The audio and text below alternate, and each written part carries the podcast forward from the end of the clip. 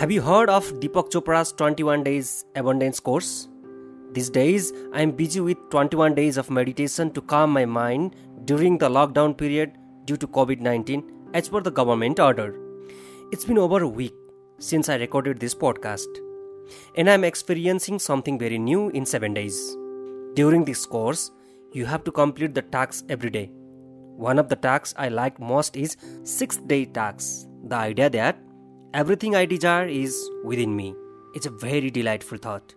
The task I had to do was to write a statement in which I tried to identify my relationship and understanding with money. Today, I am going to read that statement to you here.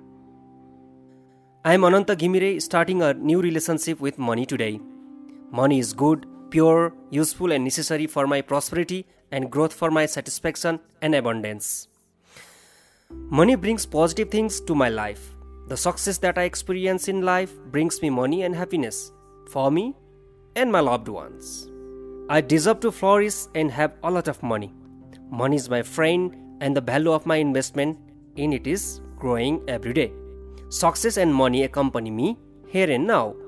I ask my parents, grandparents, and ancestors to the very origin of the clan who had difficulties due to lack of money to bless me as I choose to live differently is I asked my parents, grandparents, and ancestors the very origin of the family, who lived in abundance and prosperity to inspire me.